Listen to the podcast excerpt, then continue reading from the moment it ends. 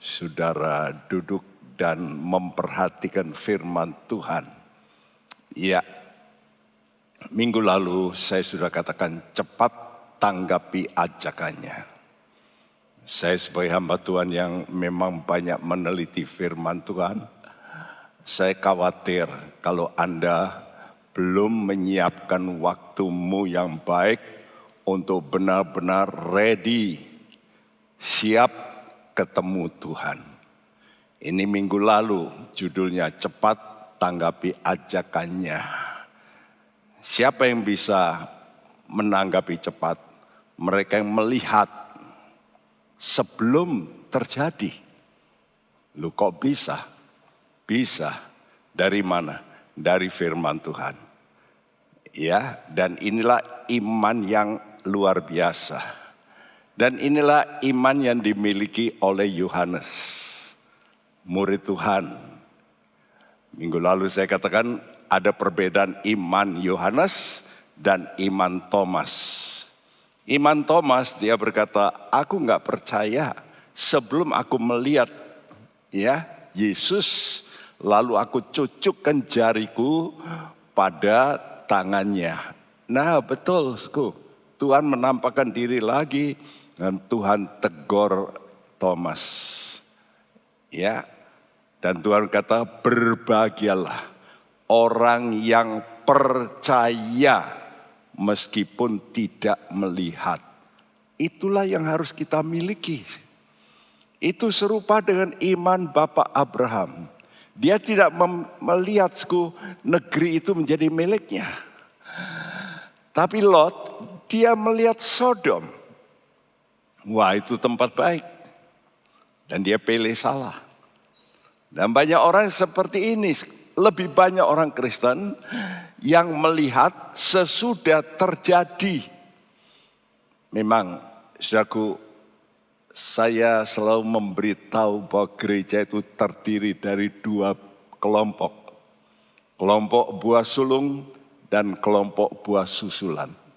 Ya, dan ini mungkin berbeda dengan rekan-rekan kami yang lain. Tapi setelah saya meneliti Kidung Agung, saya di, lebih diteguhkan lagi. Memang begitulah, baru pas. ya.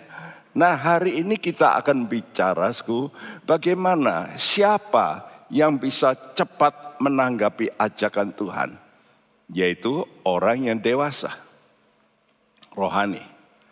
Karena itu punyailah sikap yang dewasa, dewasa rohani. Apa itu dewasa rohani? Percaya dari firman sebelum firman nubuat itu digenapi.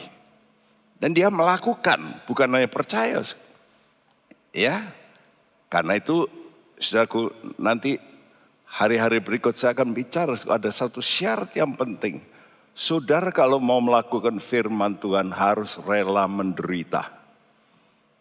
Jadi kalau sekarang tidak rela menderita ya nanti menderitanya. Itu pilihan. Saudara mau sekarang apa nanti? Ya. Nah banyak orang rohania belum dewasa. Percaya setelah firman nubuat itu sebagian digenapi. Memang belum total, tapi sebagian. Tapi sebagian yang paling penting justru digenapi. Baru mereka, iya, iya, iya, iya, iya, iya, saya mau cari Tuhan. Nah itu seperti gambar yang sebelah kanan itu. Setelah rapture mereka, wah, wah benar ya, benar.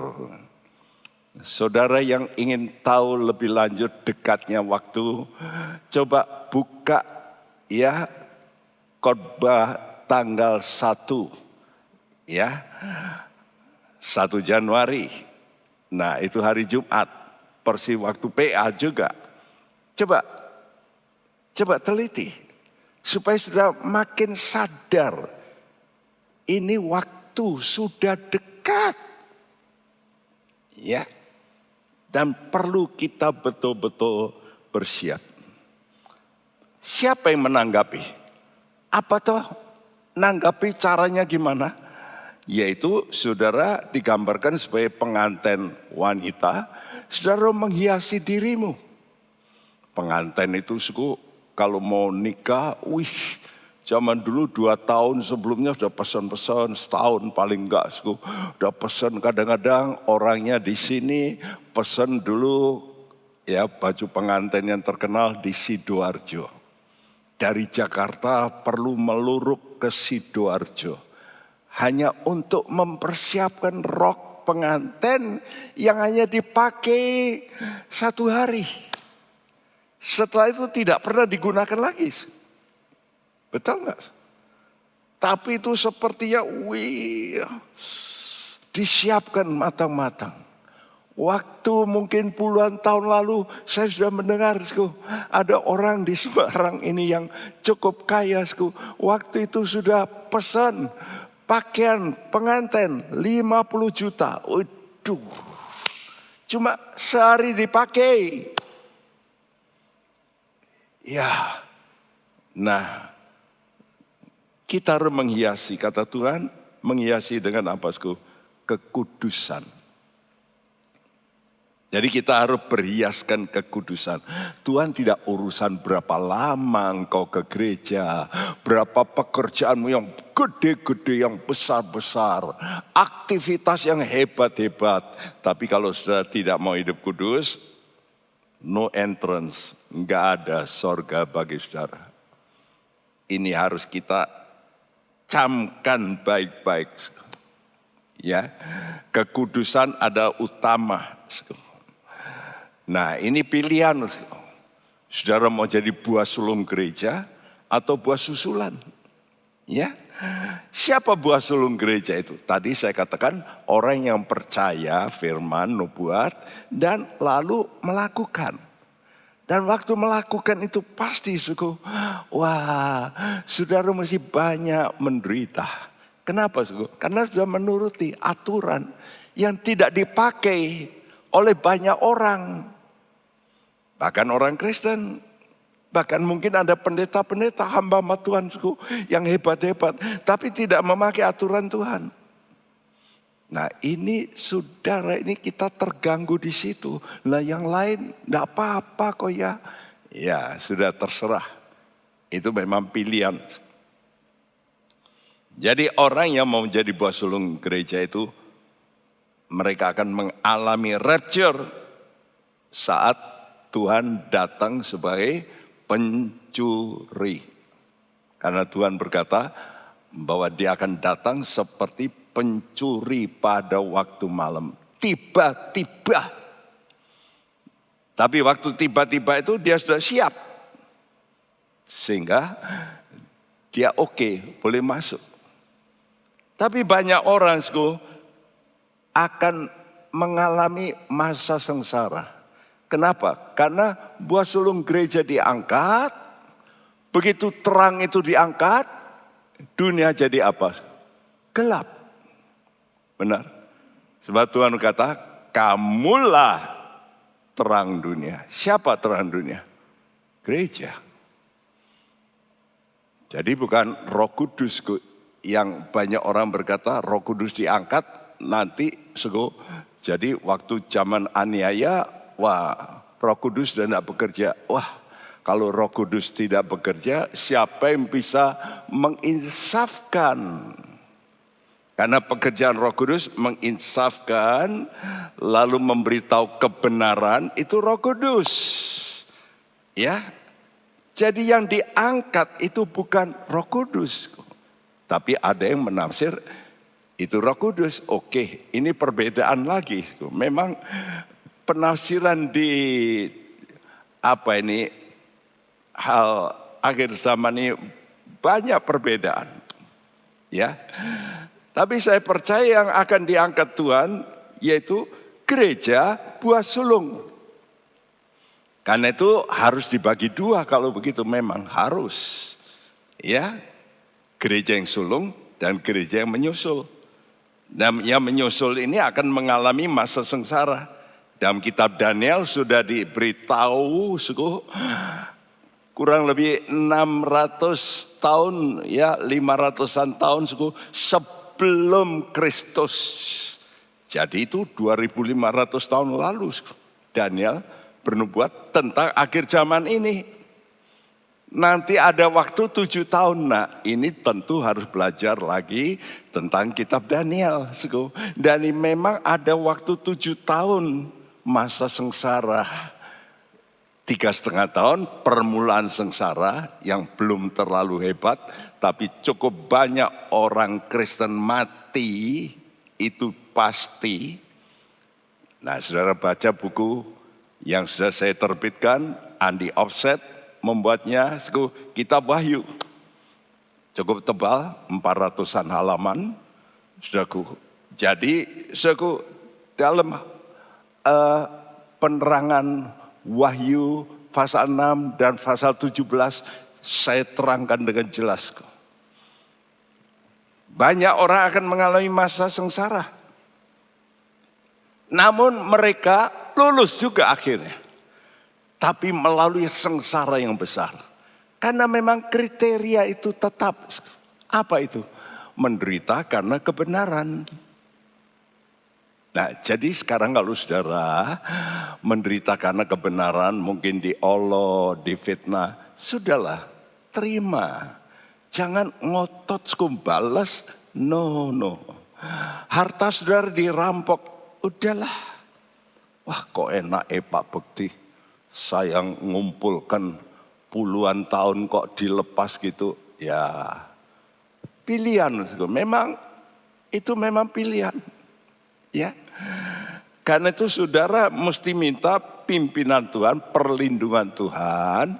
Saya percaya kalau saudara terlibat dalam kerajaan Tuhan dan Tuhan jadi rajamu, maka urusan apa saja termasuk hartamu itu Tuhan akan cover.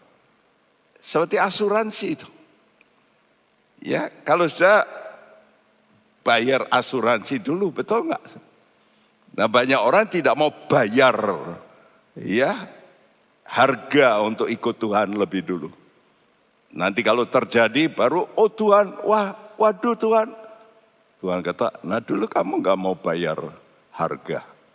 Ngikut Tuhan itu bayar harga. Sama seperti asuransi itu.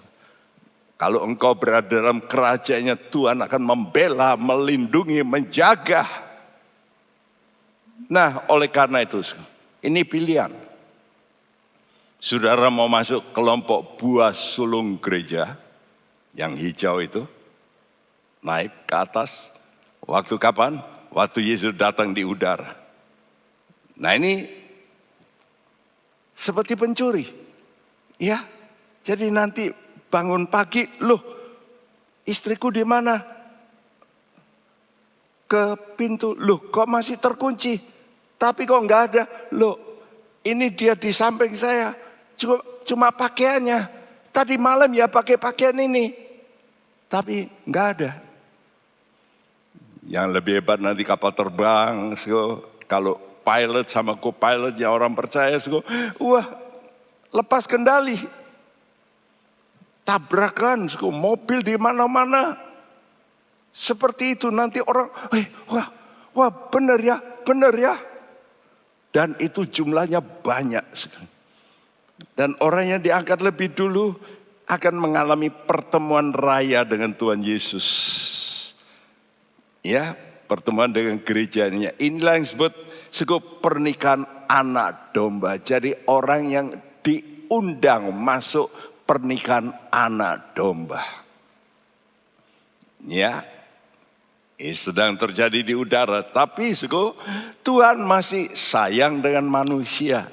Mereka yang lambat itu masuk, nah itu garis titik-titik itu. Suku. Jadi suku, di depan itu yang hijau itu buah sulung gereja, yang buah susulan gereja itu titik-titik itu harus lewat permulaan sengsara lalu di tengah-tengah antikris menyatakan diri sebagai Allah lalu terjadi sengsara besar. Wih. Saudaraku dan kalau jumlahnya Tuhan itu menunggu jumlah. Nanti untuk ini sudah lihat kitab Wahyu pasal 6. Tuhan itu menunggu jumlah. Jadi Tuhan itu sudah siapkan jumlah kursi-kursi di sorga sekian, sekian. Itu sudah Tuhan sudah plan. Sudah atur. Ya. Jadi nanti kalau sudah tutup jumlahnya close. Saudaraku, dan di sini penyaringan lagi. Bagi siapa? Bagi orang yang tertinggal ini. Apakah mereka setia atau tidak? Tapi nanti mereka akan diangkat juga, saudaraku. Ya, menjadi jemaat juga menjadi anak Tuhan yang dicintai Tuhan. Ya, lalu barulah bersama-sama turun yaitu bersama Yesus kedatangan Tuhan kedua ke bumi untuk menghancurkan antikris. Itulah yang disebut epipania, penyataan Tuhan. Nah, sekarang kita mau tanya, bagaimana kita harus menjadikan dewasa? Nah, Tuhan memberitahu stepnya. Makanya dalam Injil Matius 7 ini ayat 7 dan 8, mari kita baca. Mintalah maka akan diberikan kepadamu. Carilah, maka kamu akan mendapat. Ketoklah, maka pintu akan dibukakan bagimu. Karena setiap orang yang meminta, menerima. Dan setiap orang yang mencari, mendapat. Dan setiap orang yang mengetok, baginya pintu dibukakan. Iya, saudaraku, lihat gambar sebelah kiri. Apa perbedaan ya tingkat rohani orang. Ada tingkat rohani orang yang taunya cuma minta sama Tuhan. Tuhan lindungilah, Tuhan berkatilah, Tuhan pimpinlah, Tuhan buatlah anak saya lulus. Tuhan saya sakit, Tuhan sembuhkan, minta. Ya. Dan itu memang sifat anak-anak, minta, minta. Ya. Mana ada anak yang bisa cari uang? Enggak ada, dia selalu perlu diperhatikan. Pikirannya saya ini anak gak bisa ya kasih kasihlah kasihlah beri beri beri nggak pernah habis kok.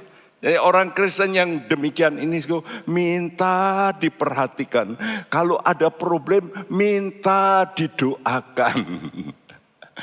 ya pendeta juga mendoakan. Tapi kalau orang itu sendiri tidak mau berdoa, mana bisa Nggak bisa. Tapi kalau sudah mulai dewasa, dia mulai bisa cari. Ya. Dan Tuhan kata, yang minta memang menerima. Dikasih Tuhan itu baik.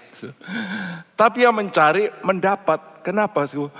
Dia cari tentu yang lebih.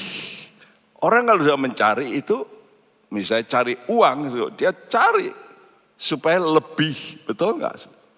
lebih kaya begitu. Maka dia mendapat. Tapi ada tingkatan yang berikut. Yang perlu yaitu setiap orang yang mengetok. Kapan kita mengetok rumah? Dan sudah yakin itu rumahnya orang. Kadang-kadang sudah ketok, sudah nggak yakin bukan. Apalagi itu kalau dokter gitu nggak pasang pelang gitu. Rumahnya di situ. Saudara mau ketok, aduh Nanti marah enggak ya? Tapi kalau sudah sering kunjungi dan kenal baik, saudara pasti ini rumahnya dokter itu. Walaupun tidak pasang pelang, sudah ketok terus sampai dibukakan. Nah, itu orang yang segu, yang betul-betul dewasa. Ya, dan Tuhan akan mengajak kita dalam tingkatan kalau dewasa nanti akan masuk dalam pernikahan anak domba. Kidung Agung 2 ayat 10 sampai 13 berbunyi Kekasihku mulai berbicara kepadaku. Bangunlah manisku, jelitaku, marilah. Karena lihatlah musim dingin telah lewat. Hujan telah berhenti dan sudah lalu di ladang telah nampak bunga-bunga. Tibalah musim memangkas. Bunyi tekukur terdengar di tanah kita. Pohon ara mulai berbuah. Dan bunga pohon anggur semerbak baunya. Bangunlah manisku, jelitaku, marilah. Ya ini ayat saya ulang-ulangi. Minggu lalu sudah sudah mendengarkan keterangan tentang hal-hal ini. Kata telah-telah ini berarti nubuatku. Walaupun belum terjadi, tetapi Tuhan kata telah. Untuk mengerti ini, saudara melihat tayangan minggu lalu, Jumat lalu. Ya, Saudaraku, jadi kita diminta apa? Dua kali, marilah. Come away. Marilah itu bukan berarti datanglah, tapi diajak pergi. Ya, untuk ini kita mesti bangun dan kita menjadi orang yang manis di mata Tuhan dan cantik, jelita. Nah, jadi kita perlu tadi apa, sku? Carilah. Ini kata kunci, sku. Carilah. Jadi kalau kita mau benar-benar siap, kita mesti cari. Cari apa? Hidup yang kudus, hidup yang berkenan sama Tuhan. Oleh karena itu cari Tuhan. Itu perintah. Jadi jangan cari berkat Tuhan. cari pertolongan Tuhan, tapi tidak cari Tuhan. Banyak orang cari tangan Tuhan, tapi bukan pribadi Tuhan, dompetnya Tuhan. Ya. Mazmur 27 ayat 8 berbunyi, Hatiku mengikuti firmanmu, carilah wajahku, maka wajahmu kucari, ya, ya Tuhan. inilah ucapan Daud. Hatiku mengikuti firmanmu. Apa firman Tuhan? Carilah. Cari apa? Wajah. Banyak orang bukan cari wajah cari apa? Dompetnya Tuhan. Saya pernah mendengar cerita dan ini kejadian benar. Wanita ini ini ngaku ini suaminya. Tiap kali kalau saya pulang itu, wah istri saya itu mesti ngerogoi kantong saya. Dia lihat dompetnya, ada uang enggak. Kalau ada, hilang. Begitu rupasku. Jadi yang dicari itu selalu duit, duit, duit. Apakah suamiku bawa duit apa enggak? Ya, dia terlambat datang, malam datang, jam 2 datang. Enggak masalah asal dompetnya ada uang, nanti dia ambil. Oh senang. Nah kalau orang begitu ya sorry. Ya, jadi kita mesti cari yang namanya wajah Tuhan. Wajah itu berarti saudara mesti tatap, bertemu. Apa alasan orang yang cinta Tuhan mencari Tuhan? Satu Tawari 15 ayat 11 itu diulangi sudah Mazmur 105 ayat 4. Karena ini juga perkataan daripada Daud yang berbunyi. Carilah Tuhan dan kekuatannya carilah wajahnya selalu. Iya, jadi kalau sudah cari Tuhan, cari wajahnya, mendapat apa? Impartasi, kekuatan. Wow, dan banyak orang Kristen tidak cari kekuatan, tapi cari berkat Tuhan, bukan cari kekuatan Tuhan. Kalau bilang cari kekuatan untuk apa? Untuk menghadapi, betul enggak? Menghadapi tantangan, menghadapi masalah untuk hidup benar itu loh. Kita butuh kekuatan istimewa. Perhatikan untuk kita gereja akhir zaman, saudara mesti mempunyai kekuatan untuk apa? Untuk luput masa sengsara. Dengar baik-baik. Dan ini waktunya tinggal sedikit. Lihat saja. Masa sengsara pasti terjadi. Ya, ini yang selalu membuat saya risau. Sekali saya, ayo toh umat Tuhan dengar, dengar, dengar. Dengar siapkan. Supaya kita tidak masuk masa sengsara. Kalau bisa kita ini masuk kelompok yang pertama dijemput Tuhan, sudah siap. Tapi yang tidak perlu kekuatan untuk apa? Masa sengsara. Dan ini Tuhan sudah bicara waktu dia ada di muka bumi, dia bicara dalam perikop kedatangannya dalam Injil Lukas 21 nanti sudah baca seluruh Injil Lukas 21 itu bicara kedatangan Tuhan. Dan dia bicara dalam ayat 34 sampai 36 berbunyi Jagalah dirimu, supaya hatimu jangan syarat oleh pesta pora dan kemabukan, serta kepentingan-kepentingan duniawi, dan supaya hari Tuhan jangan dengan tiba-tiba jatuh ke atas dirimu seperti suatu jerat, sebab ia akan menimpa semua penduduk bumi ini. Berjaga-jagalah senantiasa sambil berdoa, supaya kamu beroleh kekuatan untuk luput dari semua yang akan terjadi itu, dan supaya kamu tahan berdiri di hadapan Anak Manusia. Iya. Jadi cari wajah Tuhan untuk apa? Untuk kekuatan. Nah ini dikatakan Tuhan jagalah dirimu. Hati-hati jangan sampai kamu dipenuhi dengan pesta pora, kesenangan. Orang mabuk itu senang, senang. Wah, mabuk-mabuk senang. Dan jangan sampai kamu syarat dengan kepentingan duniawi. Banyak orang ini mungkin nggak mabuk-mabuk, tapi kepentingannya banyak. Wah, saya perlu saham ini, waduh, saya ini, waduh, perlu numpuk terus kepentingan-kepentingan. Wah, saya perlu punya, uh, kalau punya resort sendiri, nggak perlu sewa, tapi punya resort sendiri. Saya mau punya rumah yang besar, bukan main. Ya, kata Tuhan, awas, hari Tuhan jangan tiba-tiba datang tiba-tiba datang. Nah itulah tiba-tiba itu pencuri pada waktu malam itu. Ya, dan ini dikatakan Tuhan akan menimpa semua penduduk bumi. Karena itu berjaga kata Tuhan. Senantiasa sambil berdoa. Untuk apa? Supaya kamu beroleh kekuatan. Untuk apa? Untuk luput.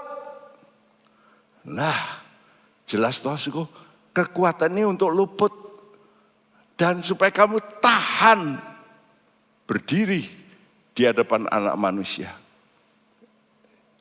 Kenapa? Karena Allah itu terang. Nanti orang yang nggak suka terang, begitu kena terang, dia nggak tahan. Aduh, aduh, aduh, nggak kuat. Itu ditulis di Wahyu pasal 6. Begitu Tuhan nanti menampakkan di banyak orang berkata, oh, gunung-gunung timpakan, batu-batu timpakan. Aku nggak tahan melihat wajah Tuhan. Saudara, kekuatan itu oleh Roh Kudus. Karena itu peringatannya tadi apa, Sku? Jagalah dirimu. Nggak ada orang lain yang bisa menjaga, Sku. Tapi engkau sendiri jagalah dirimu supaya kamu jangan terjerat Ya, dijerat dengan apa? Kesukaan. Tadi pesta pora, mabuk, dan kepentingan duniawi. Dan ini menimpa banyak penduduk bumi. Kenapa? Karena banyak orang Kristen itu hanyut oleh arus. Nah semua orang gitu enggak apa-apa. Oh pendetanya boleh kok ya.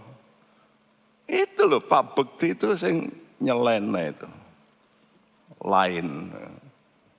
Kenapa kok begitu? Yang lain nggak apa-apa.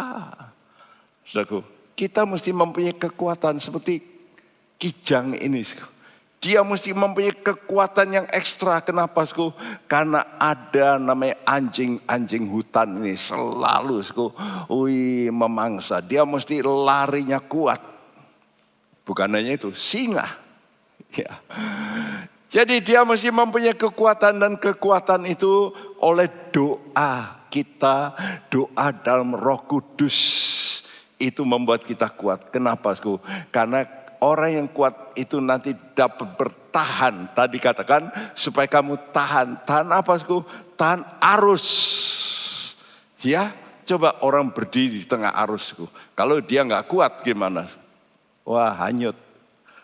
Dan nanti iblis pakai apa? Pakai manusia. Dan itu digambarkan sebagai air. Ya, karena itu dilambangkan Tuhan, iblis itu ular, naga yang nyemburkan air sebesar sungai. Wahyu 12 ayat 15. Lalu ular itu menyemburkan dari mulutnya air sebesar sungai ke arah perempuan itu supaya ia dihanyutkan sungai itu. Iya, ular itu menyemburkan dari mulutnya air. Sekarang ini melihat, kenapa undang-undang bisa berubah? Ya karena demokrasi. Demokrasi itu namanya rakyat memerintah. Karena itu iblis pakai rakyat ini untuk mengubah undang-undang. Ya, istimewa undang-undang pernikahan. Sekarang udah wih banyak di dunia ini, betul nggak? Sudah berubah. Ya, dulunya pernikahan itu sakral, sekarang enggak berubah dan ikut. Walaupun jumlah mereka nggak banyak. Tapi mereka menggerakkan masa, voting menang. Dan ini fakta. Ya, dunia ini dihanyutkan oleh ya hal-hal yang negatif. Ya. Nah, kita perlu mempunyai kekuatan. Kekuatan datang dari mana? Orang yang mau hidup kudus. Nah, Saudaraku, orang-orang pengikut Daud awalnya itu cuma 400 orang. Dan dia dikejar-kejar oleh Raja Saul yang tidak membunuh. Setelah 400 berkembang, lalu jadi 600. Setelah 600, satu suku ikut Yehuda. Bayangin, satu suku ikut Yehuda. Yang lain ikut Saul semuanya. Di tengah kesulitan itu, Daud pernah lari ya ke daerah musuh. Dan di situlah ada orang-orang Israel yang dulunya ikut Saul. Mereka sekarang melihat, wah kami ikut Saul ini salah. Ini bukan pimpinan Tuhan bukan orang pilihan Tuhan. Dia salah dengan Tuhan. Karena Samuel sudah marah, muncul Daud, mereka mulai beberapa orang yang berani memisahkan diri. Coba kita baca 1 Tawari 12 ayat 8. Juga dari orang Gad ada yang memisahkan diri dan pergi kepada Daud ke kubu di padang gurun, yakni pahlawan-pahlawan yang gagah perkasa, orang-orang yang sanggup berperang, yang pandai menggunakan perisai dan tombak, dan rupa mereka seperti singa, dan cepatnya seperti kijang di atas pegunungan. Eser. Eser, kepala. Mereka itulah dari Bani Gad, kepala-kepala pasukan, satu orang yang paling kecil sanggup melawan seratus orang, dan yang paling besar sanggup melawan seribu orang. Wih, ini orang-orang yang pahlawan. Mereka lihat, wah, janji Tuhan ada pada Daud. Yuk, mereka memisahkan diri.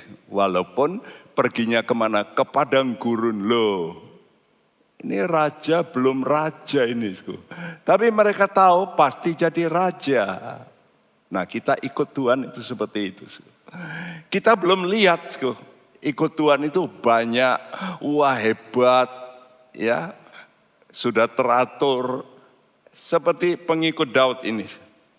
Orang-orang inilah yang nantinya jadi pahlawan-pahlawan. Ya, kenapa? Karena mereka kuat, hebat, tapi justru berpindah, berani. Siapa itu? Yang sanggup perang. Ya, yang sanggup perang dan punya kekuatan cepatnya larinya seperti apa? Kijang. Nah, mereka perang sanggup melawan. Dikatakan orang yang paling kecil bisa melawan seratus. Wih, kuat. Tapi mereka berkata, ah saya nggak mau ikut Saul. Ini bukan pilihan Tuhan. Kami mau ikut Daud. Ya, dan yang paling kuat seorang sanggup melawan seribu orang. Wih, luar biasa. Kenapa? Karena tahu, tahu Ya, orang yang tahu waktunya ini, wah, time-nya sudah. Nah, sekarang bagaimana saudara cara saudara mencari Tuhan? Yang pertama itulah saudara cari Tuhan di mana? Dalam kitab Tuhan, Alkitab.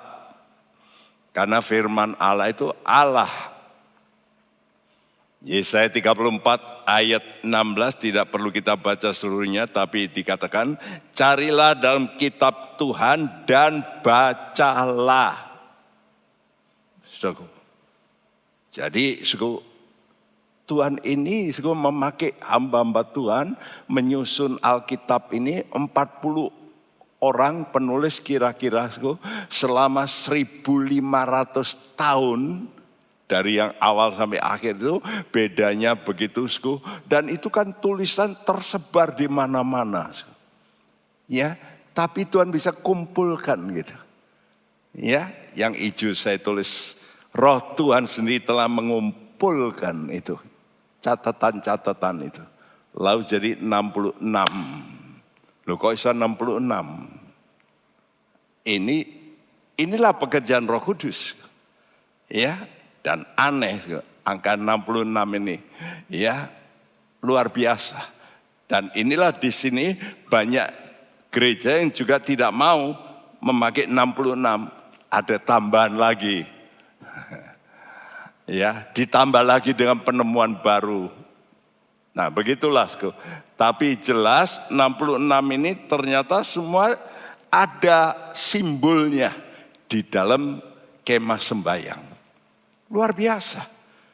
Dan dalam kitab Matius pasal 2 ayat 5 waktu orang Majus itu datang ke ke Herodesku, dia berkata kami mau mencari raja orang Yahudi. Hah? Waduh, di mana ya? Raja Herodes panggil ahli-ahli Taurat. Coba terangkan di mana. Lalu mereka berkata pada Raja Herodesku, di Bethlehem di tanah Yudea. Karena demikianlah ada tertulis dalam kitab Nabi. Jadi kalau saudara mau tahu persis, ya di mana? Di Alkitab. Karena itu jangan suka penafsir suka ya pakai ya, astronomi dan cari. Itu boleh sebagai pelengkap, bukan sebagai jalan jawaban. Jawaban itu dari Alkitab. Karena itu carilah Tuhan saat perkenanan. Kalau orang besar itu tidak sembarang waktu bukan? Setiap waktu sudah datang seenaknya. Gak bisa bukan? Mesti saat apa? Saat perkenanan. Oh dia berkenan. Ya, Nah kalau berkenan menurut waktunya Tuhan. Jadi saudara mesti mencari Tuhan menurut waktunya Tuhan. Nah kapan saudara mencari Tuhan? Kata Tuhan yang kedua ini adalah saudara mesti mencari selalu, selalu. Ya, terus dan selama berkenan. Jadi kalau dia tidak berkenan nanti sudah cari Tuhan teriak-teriak nangis Tuhan. Sekarang saya mau no, no. Saya tidak berkenan. Ya. Karena itu Mazmur 105 ayat 4 berkata, Carilah Tuhan dan kekuatannya, carilah wajahnya selalu. Selalu. Cari apa? Wajah. Selalu. Jadi selalu itu berarti setiap hari kalau bisa dan saudara mesti cari wajah Tuhan selalu. Yesaya 55 ayat 6. Carilah Tuhan selama ia berkenan ditemui. Berserulah kepadanya selama ia dekat. Iya. Jadi selama dia dekat. Selama dia berkenan ditemui. Apa itu? Sudah melihat sekali lagi chart ini, diagram ini, skema, diagram, timeline. Sudah lihat waktu Yesus mati, kita diberi namanya saman anugerah. Nah inilah saman perkenanan. Ya, nanti kita berada di saat ini. Ini artinya mau tutup ini saat perkenanan ini. Ini kita ini hidup pada akhir zaman. Jadi waktunya perkenanan itu tinggal sedikit untuk persiapan. Karena itu saya terus gembar-gembor ini. Ayo toh siap, siap, siap. Bagi jemaat yang belum siap, ayo, ayo. Sudah jangan banyak pusing tentang dunia ini. Pandemi dan sebagainya. Sudah konsentrasikan. Ya, saudaraku, supaya nanti kalau Tuhan datang di udara, itu tanda panah ke bawah biru, saudaraku, maka sudah itu sudah siap untuk dijemput. Tanda panah hijau sudah menjadi buah sulung gereja. Nanti terjadi pertemuan di udara karena tubuh kita nanti diubah. Dengan tubuh yang tidak bisa mati, tubuh baru, tubuh yang tidak kena gaya tarik ke bumi, tidak. Dan setelah itu akan datang masa aniaya MS, tujuh tahun. Tadi itulah sebuah susulan gereja nanti akan masuk di situ. Dan jumlahnya banyak. Ya banyak yang begitu orang Kristen. Nanti tapi mereka juga nanti diangkat oleh Tuhan bertemu di udara. Nah kalau sudah timingnya Tuhan akan datang bersama semua suku ke bumi. Ya untuk apa suku? Berperang melawan namanya antikristus. Di mana? Di Armageddon. Dan itu sudah ditulis di Alkitab juga. Jadi suku nggak bisa lari dah. Ini plotting Tuhan ini sudah jelas begini. Ya, setelah itu Tuhan akan mendirikan kerajaan seribu tahun. Saudara, jadi kita mesti cari Tuhan sampai ketemu Tuhan. Siapa itu? Itulah orang yang mengetok. Betul? Coba dibacakan. Karena setiap orang yang meminta menerima, dan setiap orang yang mencari mendapat, dan setiap orang yang mengetok baginya pintu dibukakan. Iya, mengetok. Jadi saudara masih terus ketok-ketok sampai dibukakan. Nah itu namanya doa dengan tekun. Betapa pentingnya sudah berdoa. Ya, kenapa sku? Karena menurut cerita Lukas 11 ayat 5 sampai 8 di situ ada cerita orang sego kedatangan tamu ya sahabat tengah malam dia nggak punya roti dia pergi ke sahabatnya lalu dia ketok sahabat itu berkata aduh aku sudah tidur jangan ketok tapi oleh karena dia putusku dan itu karena sahabat maka dikatakan oleh karena sikapnya yang tidak malu Orang itu kadang-kadang sih mengetok orang terhormat sih. Waduh, malu ya. Ya, tapi ini enggak. Sikap mendesak. Bahasa lain lancang gitu. Lu kok berani lancang? Oh kawan dekat. Ya. Jadi sih sebab yakin yang diminta ini sahabat yang baik hati. Walaupun dia sedang tidur diketok tengah malam. Dan orang ini pasti sering ketemu. Ya betul-betul sudah biasa ketemu. Siapa itu? Orang yang suka melakukan perintah Tuhan. Maka roh kudus mengurapi dia. Nah itu pertemuan. Jadi kapan Tuhan itu bertemu dengan kita? waktu kita berdoa, waktu kita berjalan, waktu kita kerja, Roh Kudus ini kita rasakan hadiratnya. Ya, dan Tuhan itu menerima kita sebagai sahabat. Yohanes 15 ayat 15 berkata, kamu bukan lagi hamba, aku menyebut kamu sahabat. Karena kamu melakukan perintahku. Sehingga apa permintaan sahabat ini? Yaitu Tuhan jadikan kami buah sulung gereja. Dan Tuhan kata, oke, okay, karena kamu sahabat yang betul aku tahu benar hidupmu bersih, kudus, oke, okay, come up. Itu dikatakan Tuhan dalam Wahyu 4 ayat 1 kepada siapa? Yohanes, Rasul. Rasul ini melihat pintu sorga terbuka.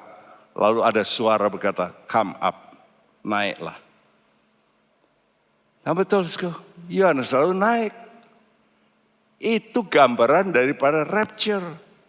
Ya. Nah sikap mendesak ini juga dituliskan di Alkitab dalam perumpamaan tentang janda berhadapan dengan hakim yang lalim. Tapi dia datang terus minta apa? Minta dibenarkan. Dan di situ tuliskan tentang kita berdoa dengan tidak jemu-jemu. Karena itu anak-anak Tuhan, teruslah. Jangan, lo Tuhan kok belum datang-datang. Udahlah, kita ini jangan tanya begitu.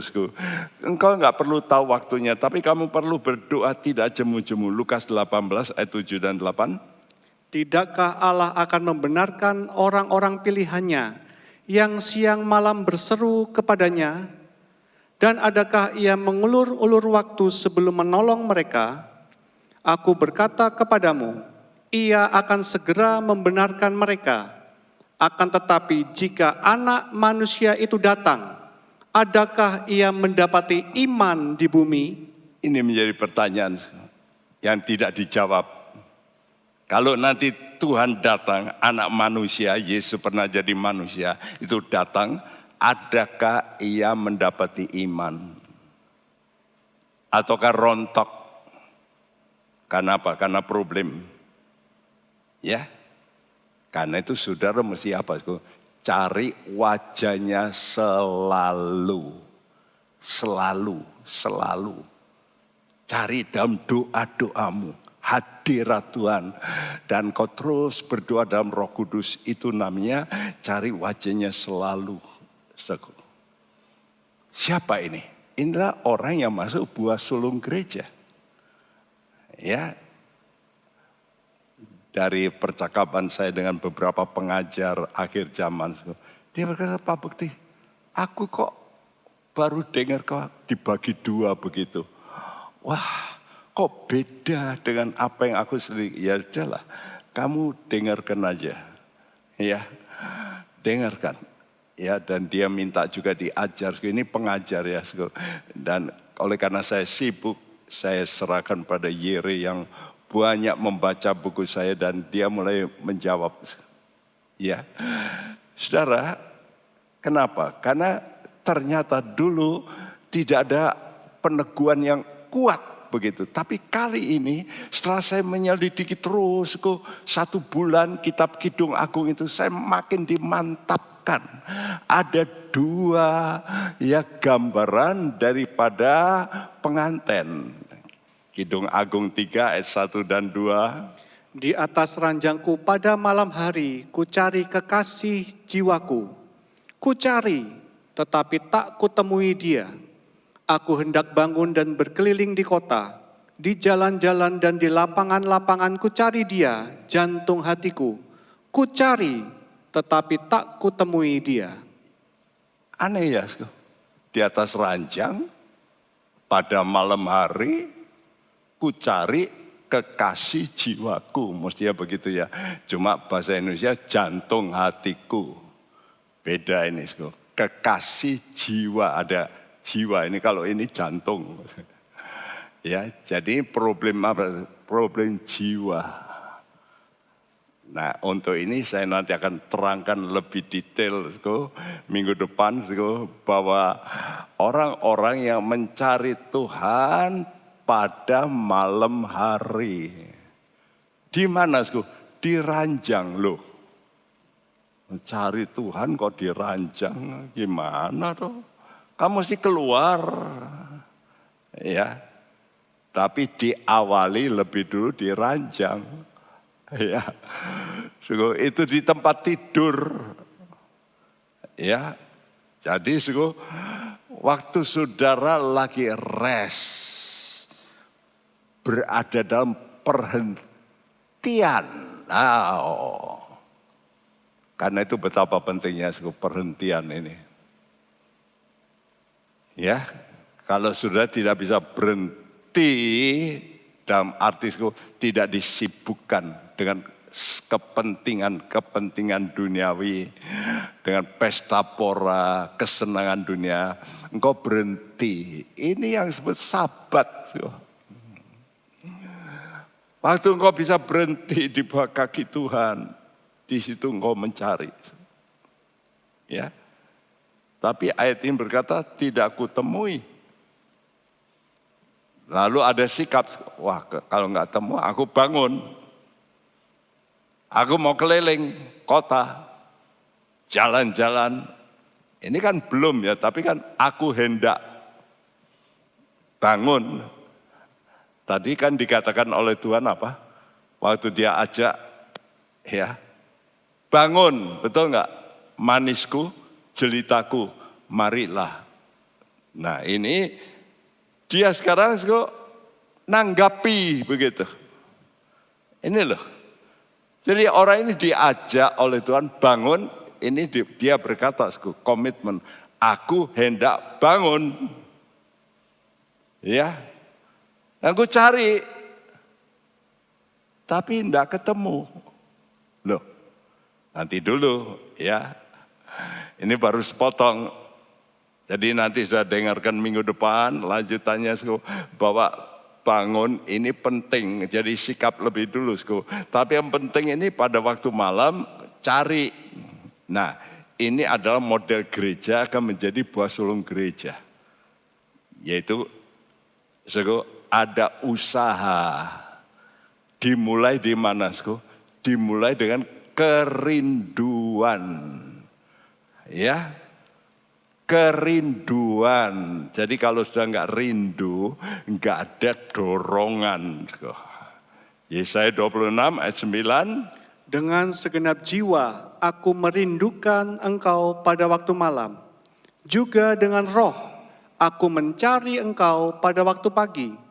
Sebab apabila engkau datang menghakimi bumi, maka penduduk dunia akan belajar apa yang benar. Iya, Nanti pasti Tuhan akan datang untuk apa? Menghakimi bumi. Nah saat itulah orang baru belajar yang benar. Sebetulnya jangan begitu. Sebelum penghakiman kita belajar benar dulu. Nah inilah orang-orang yang nanti bisa diubahkan tubuhnya. Sebab nanti ada orang-orang yang masuk dalam kerajaan seribu tahun belum diubahkan tubuhnya. Belum. Nah di situlah mereka belajar apa yang benar. Tapi masih bisa berdosa karena masih belajar, betul enggak? Kita sekarang ini mesti apa, Sku? Dengan segenap jiwa aku merindukan engkau. Apa itu jiwa? Pikiran, perasaan, kehendak. Nah bagaimana? Apakah saudara mempunyai kerinduan untuk ketemu dengan Tuhan? Jiwamu ya. Biasanya kau mikir-mikir apa ya? Waduh, nanti aku beli ini, beli itu. Waduh, wah usaha ini, usaha.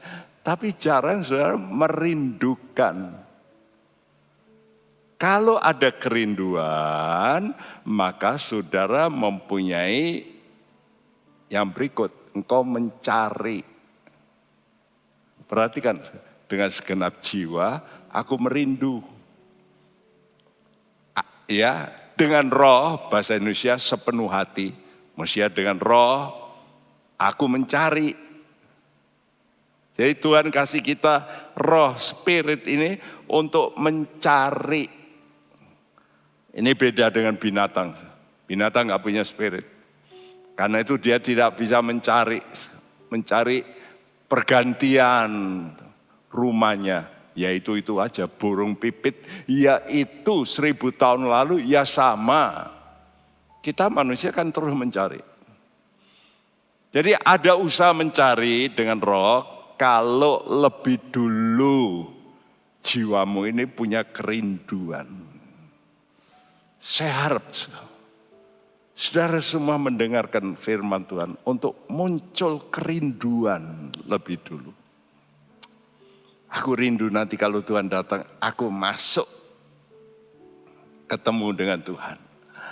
Aku diangkat lebih dulu, aku rindu, luput.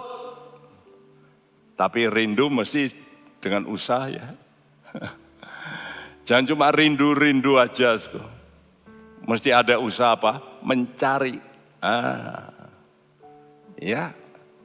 Jadi marilah kita mau belajar melalui PA ini, saya justru berbeban terus mendesak. Yo, ayo to, ayo, ayo, ayo, ayo, waktu, waktu, waktu, time, time, time. Nanti kalau time is up, time out, sudah baru cari Tuhan sungguh, woi, sulit, sulit. Dan harganya kematian. Kematian. Sekarang ini cari Tuhan tidak mati bukan? Tapi memang sudah mesti mati dagingmu. Ya, perasaanmu kadang-kadang mesti engkau matikan kalau engkau difitnah, dikata-katai. Saya dikata-katai di depan umum. So. Saya mesti mematikan perasaan saya. Diam. Dan ini bukan sekali loh. Ya, dikata-katai waktu rapat pimpinan pernah dikata-katai waktu kumpul pendeta-pendeta ya di Semarang saya pernah dikata-katai dikata-katai waktu sidang sinode PGPI itu 70-an ketua sinode saya dikata-katai. Saya diam aja. Cuma dalam batin Tuhan kuatkan saya dah. Justru teman saya yang di sebelah saya nggak tahan. Saya tahan, dia yang nggak tahan. Dia yang berdiri, yang bicara. Saya diam aja. Ngapain itu? Ngapain perlu ditanggapi? Ya, kita terima sebagai apa? sebagai salib. Karena itu mari kita rindu untuk bersekutu dengan Tuhan. Rindu selalu bersamamu. Mari kita punya kerinduan Tuhan. Sebagai seperti anak, rindu dipeluk. Rindu dipangku. Rindu untuk diayomi Aduh, setelah dia dipangku, aduh dia tidur lelap, rest.